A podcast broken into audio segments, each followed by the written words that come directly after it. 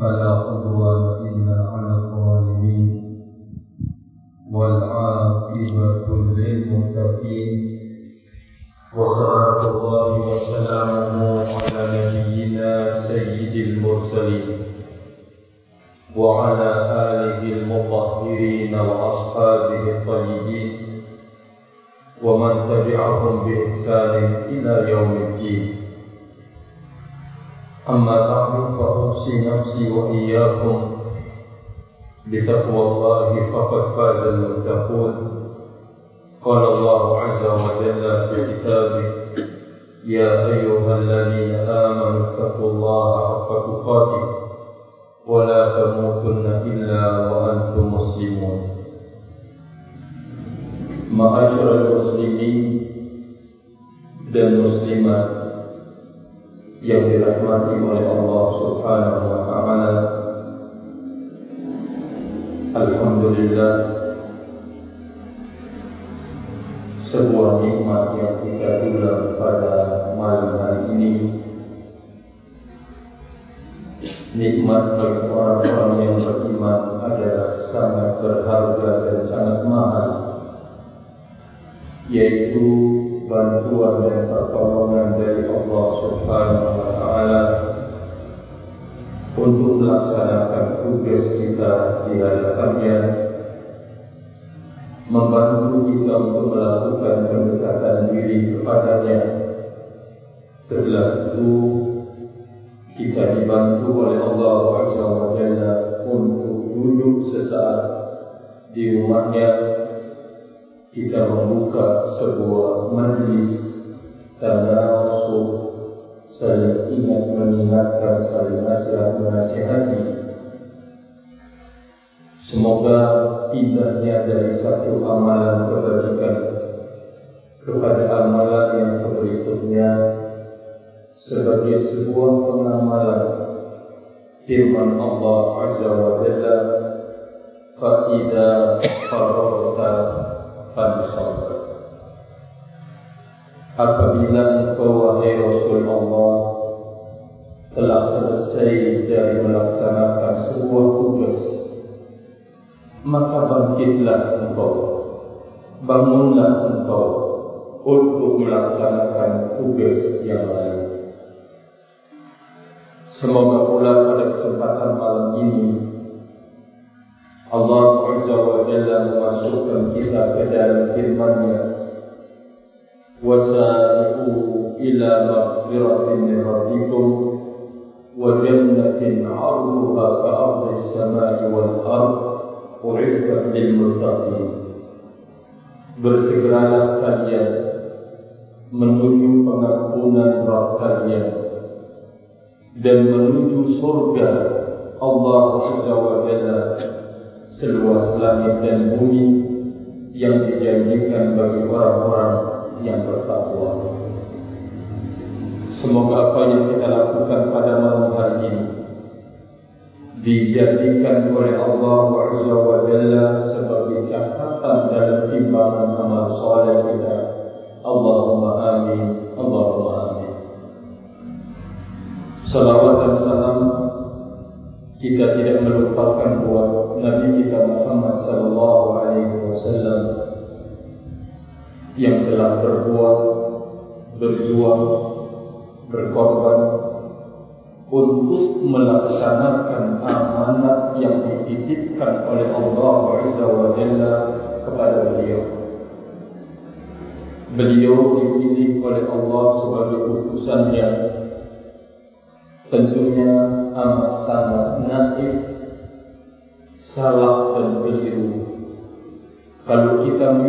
utusan Allah Azza wa Jalla dengan kemalas-malasan atau acuh tak acuh atau kita tidak mau meluangkan segala kesempatan hidup untuk menerima bimbingan-bimbingan utusan Allah Azza wa Jalla dan sungguh termasuk dari kekhilafan yang besar kalau sampai kita terjatuh di dalam ketidakpuasan untuk menerima apa yang dibimbingkan oleh beliau lalu kemudian kita melakukan satu hal atau perkara-perkara yang itu bukan dari pengajaran beliau bukan dari bimbingan beliau bukan dari arahan beliau maka sungguh ini adalah sebuah kekhilafan yang sangat besar di dalam hidup ini kalau sekiranya kita sebagai orang yang duduk di sebuah instansi pemerintah di Kabupaten Bima atau di Kota Bima, lalu datang putusan dari Jakarta, bagaimana kesiapan kita? Apa yang kita lakukan? Apa yang kita perbuat? Apa yang kita berusaha untuk kemudian menyempurnakannya yang belum sempurna? bahkan semuanya mungkin tergolong serba gegabah hanya untuk menyambut kedatangan dari atas. Utusan mungkin dari presiden kita atau utusan nanti dari orang yang tertinggi di bagian kita atau instansi kita. Maka tentu kita harus lebih melakukan persiapan. Persiapan mental, persiapan diri kita sendiri persiapan lahiriah dan batiniah kita untuk menyambut putusan Allah Azza wa Jalla Nabi kita Muhammad sallallahu alaihi wasallam. Beliau alaihi salatu wassalam sebagai putusan Allah Azza wa Jalla tidak ada yang tertinggal sedikit pun yang beliau belum sampaikan. Amanat-amanat Allah Azza wa Jalla. Mulai dari ibadah solat dari takbiratul ihram sampai salam beliau telah mengajarkan beliau telah mempraktikkan beliau telah memberikan teladan. Maka kita sebagai umatnya harus berupaya dengan semaksimal mungkin untuk mencari bimbingannya mencari arahannya mencari teladannya terkait dengan persoalan ibadah sholat. Jangan kita merasa puas tentunya dengan apa yang selama ini kita dapatkan. Apalagi kalau kita tidak punya pegangan di dalam pendapat ini. Kita harus benar-benar mengkajinya. Harus benar-benar mendalaminya. Kita berharap kita termasuk orang yang terdepan di dalam menerima utusan Allah Azza wa Jalla dan tentu utusan Allah Subhanahu wa taala ini benar-benar membawa keselamatan buat kita di dunia dan juga di akhirat kelak. Semoga pada malam hari ini Allah Azza wa Jalla menjadi saksi dan rumahnya menjadi saksi bahwa kita ingin menjadi orang yang terbaik di dalam menyambut utusan Allah Azza wa Jalla Nabi kita Muhammad sallallahu alaihi wa ala alihi wasallam dengan meluangkan waktu untuk mau belajar agamanya, mau mendengar wejangan-wejangannya, ma'asyarul muslimin dan muslimat yang saya hormati. Termasuk dari wejangan-wejangan Ar-Rasul alaihi salatu wassalam beliau telah berbicara sekaligus sebagai titik pesan buat kita sebagai umatnya agar jangan ada pada diri kita yaitu sebuah pesan yang menyebabkan kita terjegal, terhalangi, tersepak untuk masuk ke dalam surga Allah Azza wa Jalla. Apa itu pesan beliau? Rawal Imam Muslim di dalam sahihnya dari sahabat Abdullah bin Mas'ud radhiyallahu taala anhu kata Rasulullah alaihi salatu wassalam la yadkhulul jannata man kana fi qalbihi mithqalu dzarratin min kibri kata Rasul alaihi salatu wassalam tidak akan masuk ke dalam surga orang yang ada di dalam hatinya sebesar biji sawi dari kesombongan kata Rasulullah alaihi salatu wassalam. La yadkhul jannah man kana fi qalbihi mithqalu dzarratin min kibr. Tidak akan masuk ke dalam surga orang yang ada di dalam hatinya sebesar biji sawi dari kesombongan kata Rasulullah alaihi salatu wassalam. Ma'asyiral muslimin dan muslimat yang saya hormati Hadis ini memberitahukan kepada kita bahawa kesombongan itu merupakan dosa besar yang akan bisa menghalangi dan menyetop kita untuk bisa masuk ke dalam surga Allah Subhanahu wa taala. Karena persoalan besar terkait dengan sombong ini dan kita punya bibit-bibit bibit-bibit ke arah demikian para sahabat Nabi mencoba mengajukan pertanyaan. Qala ar-rajul Inna ar-rajula yuhibbu an yakuna thawbuhu hasanan wa na'luhu hasanatan ya Rasulullah. Bagaimana tentang seseorang yang gemar, senang, suka kalau pakaiannya bagus-bagus, sandalnya juga baik-baik bagus-bagus, apakah ini termasuk dari kesombongan?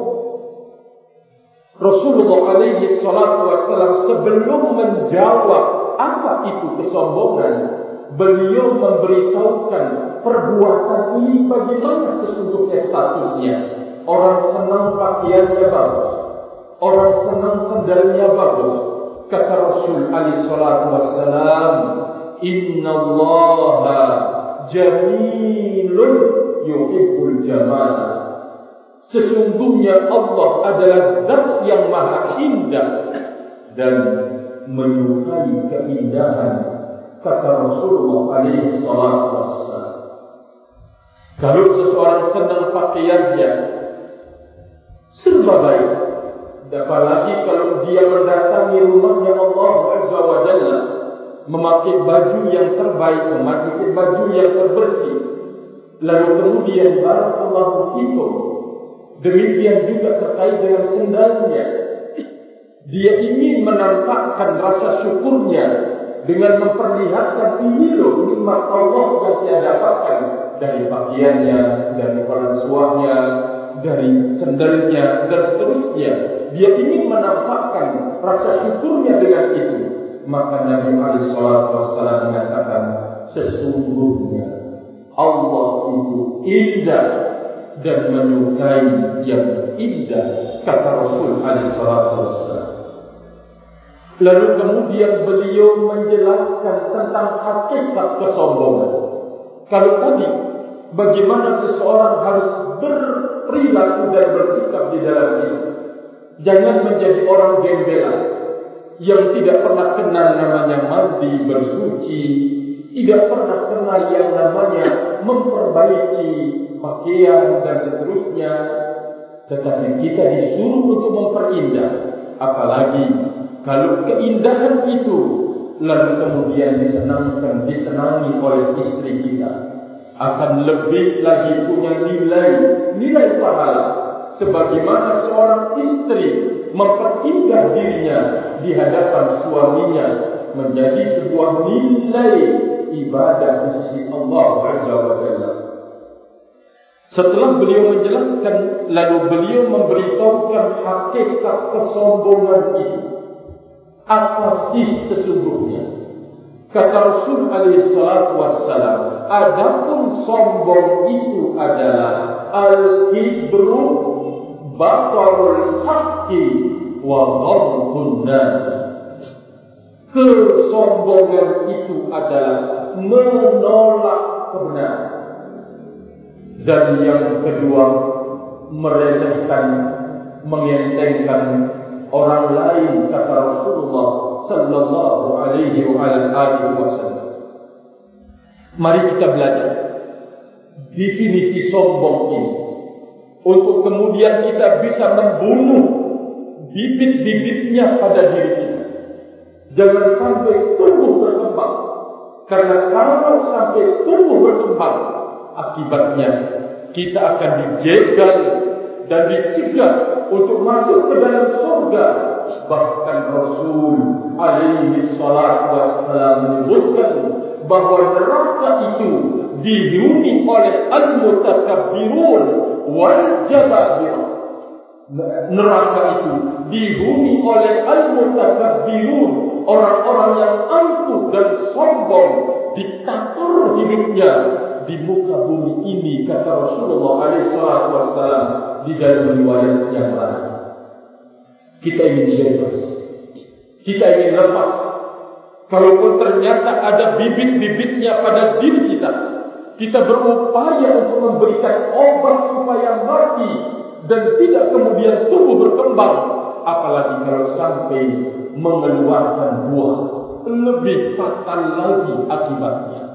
Mari kita dengarkan bahwa Rasul alaihi salatu wassalam telah menyebutkan ada dua macam yang namanya kesombongan dalam pandangan agama dalam pandangan syariat ini pertama al-kibru bil haqqi kesombongan terkait dengan kebenaran. Bagaimana ini? Sikap sombong terkait dengan kebenaran dijelaskan oleh para ulama di antaranya al-Imam Syafi'i rahimahullah taala di dalam kitab beliau Bahjatul Qulubil Abrar. Beliau menyebutkan bahawa bentuk kesombongan seseorang di hadapan kebenaran radduhu dia menolak kebenaran itu. Dia tidak punya sikap menolak, tapi dia tidak mau menerima kebenaran. Tidak mau tunduk di hadapan kebenaran. Tidak mau menerima kebenaran itu. Banyak kemungkinan seseorang untuk tidak mau menerima kebenaran. Pertama, gengsinya kedua status yang ada pada dirinya. Mungkin dia adalah orang yang levelnya orang tua yang banyaklah memasang garam di dalam hidup, banyak beribadah, bahkan dia termasuk dari pengurus masjid atau antum dan seterusnya. Dia dari pejabat dan seterusnya. Gengsi. Untuk kemudian mau menerima kebenaran dari anak bawah buahnya. Atau mungkin dari orang biasa. Padahal kita itu diberitahukan oleh Nabi Alaihissalam Wasallam bahawa kebenaran itu balatul mukmin barang hilangnya orang yang beriman.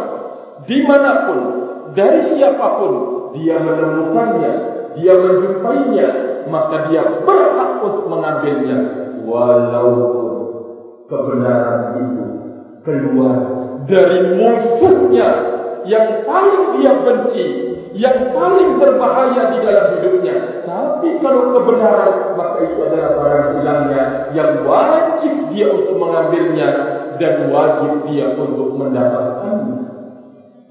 Ini terkait dengan kebenaran. Seseorang menyombongkan diri di hadapan kebenaran, maknanya adalah dia tidak mau menerimanya. Dia tidak mau tunduk dan patuh di hadapan kebenaran. Dia acuh tak acuh.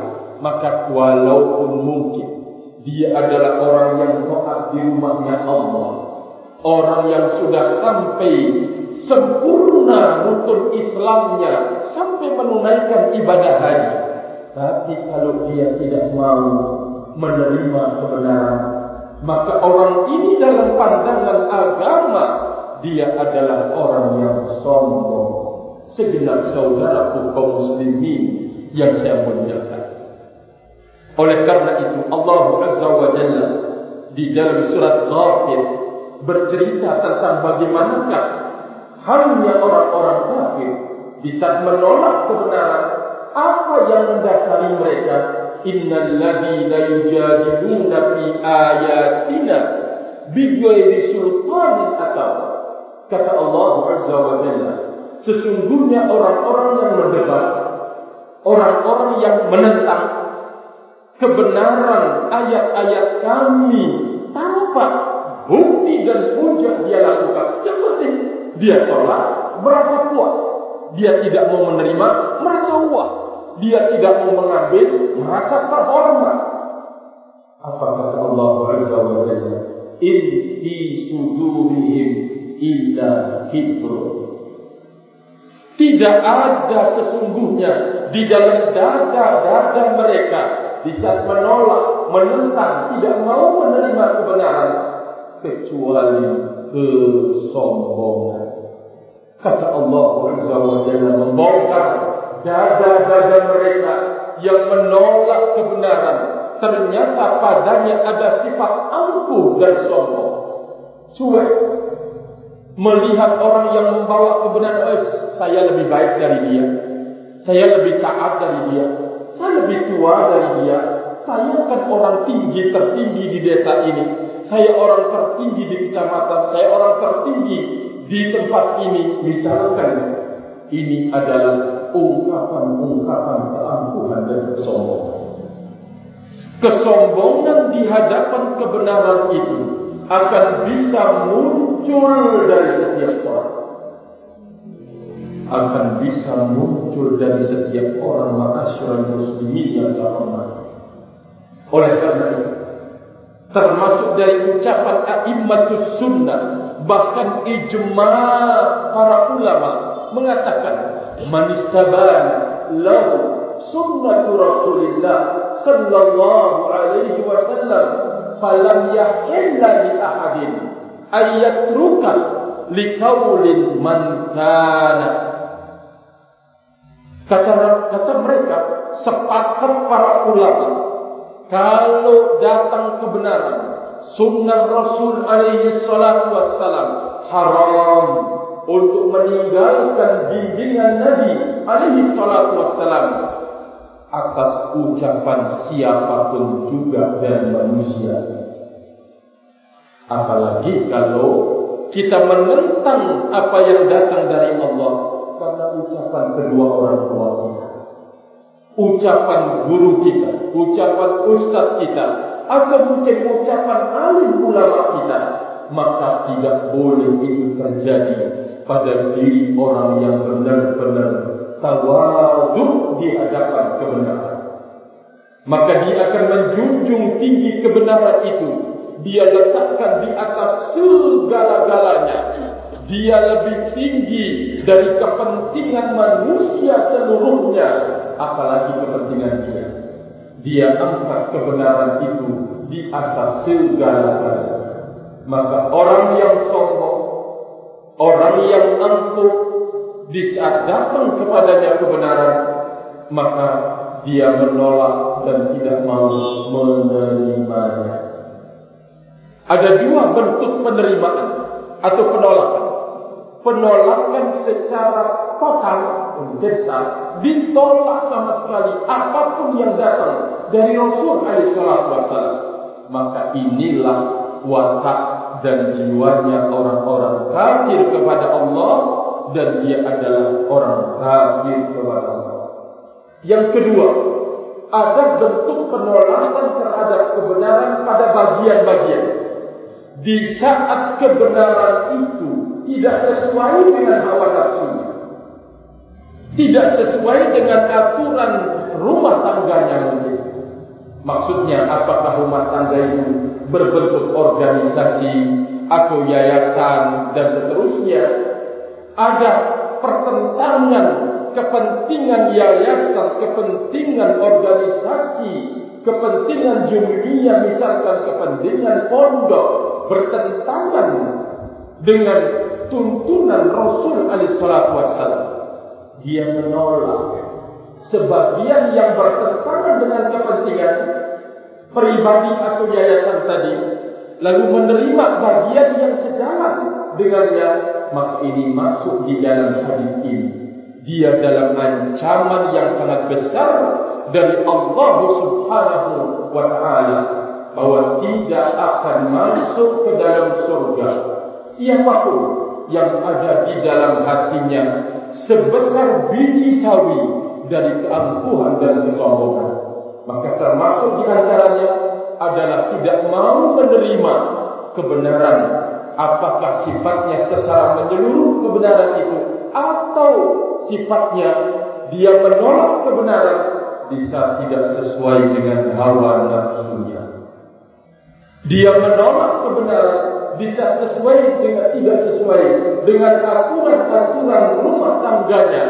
Maka ini termasuk di dalam hadis la yadkhulul jannata man kana fi qalbihi mithqalu dzarratin min kibri tidak akan masuk ke dalam surga kata Rasul alaihi salatu wassalam. Oleh karena itu ma'asyiral muslim, seorang muslim dan muslim dia akan selalu menjunjung kepentingan kebenaran ini dimanapun dia berada. Karena dia tahu bahwa kebenaran itu bukan datangnya dari lisan individu orang, tetapi kebenaran itu datangnya dari Allah Subhanahu wa taala. Sehingga bagi kita tidak ada alasan untuk seseorang mengatakan saya ini sakit hati sama dia. Sehingga saya tidak mau mendengar kebenaran darinya. Ini adalah keliru. Mungkin seseorang sakit hati bersama gurunya taruhlah. Dia telah pernah menjelekkan dia atau pernah mencuri dia. Lalu gurunya membimbing kebaikan ada ayatnya, ada dalilnya dari Al-Quran. Lalu beralasan saya sakit, saya tidak mau menerima. Ini adalah kesalahan fatal. Karena kebenaran itu bukan dari datangnya dari lisan Pak Guru kita, tetapi kebenaran itu datangnya dari Allah Azza wa Jalla. Sangat keliru kalau kita beralasan karena sakit hati lalu tidak mau menerima barakallahu fikum kebenaran itu ma'asyiral muslimin yang saya hormati apalagi kalau sampai berbeda pilihan berbeda barakallahu fikum organisasi berbeda yayasan lalu atas dasar itu kita tidak mau menerima dari orang yang berbeda pilihan tidak mau menerima kebenaran. Ini adalah kesalahan yang sangat fatal. Oleh karena itu Allah Azza wa Jalla memberikan kita sebuah kaidah di dalam Al-Quran. Al-haqqu min rabbika fala takunanna minal mumtarin. Kebenaran itu datangnya dari Allah, maka janganlah sekali-kali engkau ragu-ragu terhadap kebenaran. Tidak menutup kemungkinan kebenaran itu datang dari misalnya seorang pencuri atau mungkin seorang perampok atau mungkin seorang yang maaf-maaf mampu-mampukan hidupnya judi tidak menutup kemungkinan akan keluar suatu saat dan suatu ketika dari musuh kita yang paling kita benci yang paling kita tidak sukai keluar kebenaran maka bagi kita seseorang yang telah terdidik dengan agama ini untuk tunduk dan patuh, membuka diri menerima kebenaran, maka wajib kita untuk menerima kebenaran. Jangan sampai kita menganggap di saat kita menerima kebenaran itu, itu merupakan bentuk kita merendah diri di hadapan Tuhan. Segenap saudara hukum muslim sering terjadi ego itu muncul di saat kita terjatuh di dalam kesalahan dan kekeliruan. Ada orang lain yang datang meluruskan kita. Ada orang lain yang datang membenarkan kita. Ada orang lain yang datang menegur kita. Ada orang yang lain datang kemudian cinta dan sayang kepada kita. Dia mengatakan, wahai saudaraku, uh, apa yang saya pandang, saya lihat, sesuai dengan ilmu yang saya dapatkan ini dalilnya bahwa apa yang aku ucapkan itu salah yang aku lakukan itu keliru segenap saudaraku kaum muslimin maka di saat seseorang menemukan dan menjumpai ada dalil yang mengatakan dia salah dan keliru maka termasuk dari bentuk ketawaduan dia terhadap kebenaran dia mau menerimanya masyarakat muslimin yang saya hormati. Kan terkadang ego kita. Apalagi kalau kita orang yang terpandang di masyarakat. Orang yang selalu menjadi rujukan. Mau mengakui diri salah itu kayaknya berat. Seolah-olah ini bagikan petir yang akan menyambar. Merendahkan dia sama sekali. Orang yang sembari kepada kebenaran. Allah Azza wa Jalla akan memuliakan dia. Allah Azza wa Jalla akan mengangkat dia dan mengangkat di hadapan seluruh makhluk Allah Subhanahu wa taala. Tapi kan begitulah setan. Untuk terus kita berada dalam kesalahan, dia bayangkan kalau kita kembali kepada kebenaran dari kesalahan yang sudah keluar dari lisan, apa yang sudah kita lakukan, dianggap kita akan rendah, dianggap kita akan terhina. Itu perbuatan setan. Ingin terus menjebak kita di dalam kesalahan dan kekeliruan. Maka segenap saudara kaum muslimin yang saya hormati, mari kita hormati kebenaran itu dari manapun datangnya. Mari kita angkat setinggi-tingginya kepentingan kebenaran itu dari siapapun yang akan muncul kata-kata dan bimbingan itu. Inilah sikap orang yang benar-benar tawadu merendah diri di hadapan kebenaran. Yang kedua, bagian dari kesombongan kata Rasul Ali Shallallahu Wasallam adalah orang yang memiliki sikap senang mengenteng, meremehkan, tidak mempedulikan orang lain. Wah ini jabatannya rendah kok, diremehkan. Wah ini dia tukang kayu kok. Tidak mau didengar. Wah ini dia tukang batu. Atau ini dia pemulung benar-benar diremehkan. Orang padahal to'at di masjid Orang tekun beribadah kepada Allah Azza wa Jalla Segenap saudara kaum muslim Kata Rasul alaihi wasallam termasuk dari bagian bentuk kesombongan adalah ghamtun nas meremehkan mengentengkan orang lain. Ketika mau mendengar kalau status orang ini lebih dari dia, semangat mendengar. Itu tidak diperbolehkan di dalam agama. Kita memandang orang dengan kacamata peremehan bahwa itu adalah kesombongan pada diri kita. Selama dia adalah seorang muslim dan muslimah, maka dia adalah terhormat dengan keislamannya. Di saat salah dan keliru, kewajiban kita untuk mengingatkan dan menegur saudara kita, menasihatkan dia, meluruskan dia kalau dia salah, tapi kita tetap memberikan penghormatan kepada. Sekali lagi kata Rasul alaihi salatu wassalam bihasbi mri'in minasyarri ayyahkira akhul muslim sudah cukup sebagai sebuah kejelekan bagi seorang muslim di saat ada pada dirinya sifat meremehkan dan mengentengkan kepada orang lain. Jangan sekali-kali ada. Karena Allah Azza wa Jalla telah membagikan karunia-karunianya. Terkadang karunia diberikan kepada orang fakir, tidak diberikan kepada orang yang kaya. Orang miskin ini ringan tangannya kalau diminta bantuan, betapa cepat dia untuk membantu dengan tenaganya, dengan pikirannya, dengan kemampuannya. Tetapi ketika orang kaya ini diminta bantuan, wah hitungannya terlalu banyak, menguntungkan enggak nanti di belakang hari kalau saya membantu ke masjid itu, membantu orang ini, menguntungkan perhitungannya banyak.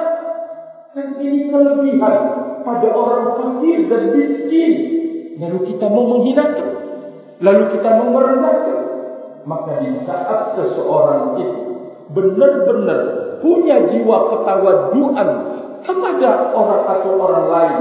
Dia akan punya inisiatif yang besar di dalam diri. Yaitu kalau dia menemukan orang yang lebih muda darinya dia akan mengatakan aku telah mendahului dia di dalam dosa-dosa dan kemaksiatan. Kalau dia adalah orang muda bertemu dengan orang tua, maka dia punya prinsip bahwa Dia telah mendahului saya dalam kebaikan. Katanya pada dirinya untuk menyetop sifat-sifat angkuh dan sombong yang ada pada diri. Di saat dia menemukan orang yang lebih muda, saya lebih dahulu melakukan kemaksiatan dari dia. Di saat menemukan orang yang lebih tua, dia lebih dahulu melaksanakan kebaikan dari diriku ini semuanya untuk menyetop tidak senang dan suka meremehkan dan mengentengkan orang lain. Segenap saudara hukum muslimin yang saya hormati, dua bentuk yang disebutkan oleh Nabi Muhammad SAW, gambaran kesombongan dalam pandangan risalah, sombong di hadapan kebenaran dan sombong di hadapan makhluk. Kita berharap tentunya Allah Jalla menolong kita dan membantu kita untuk mencabut akar-akarnya pada diri kita sendiri.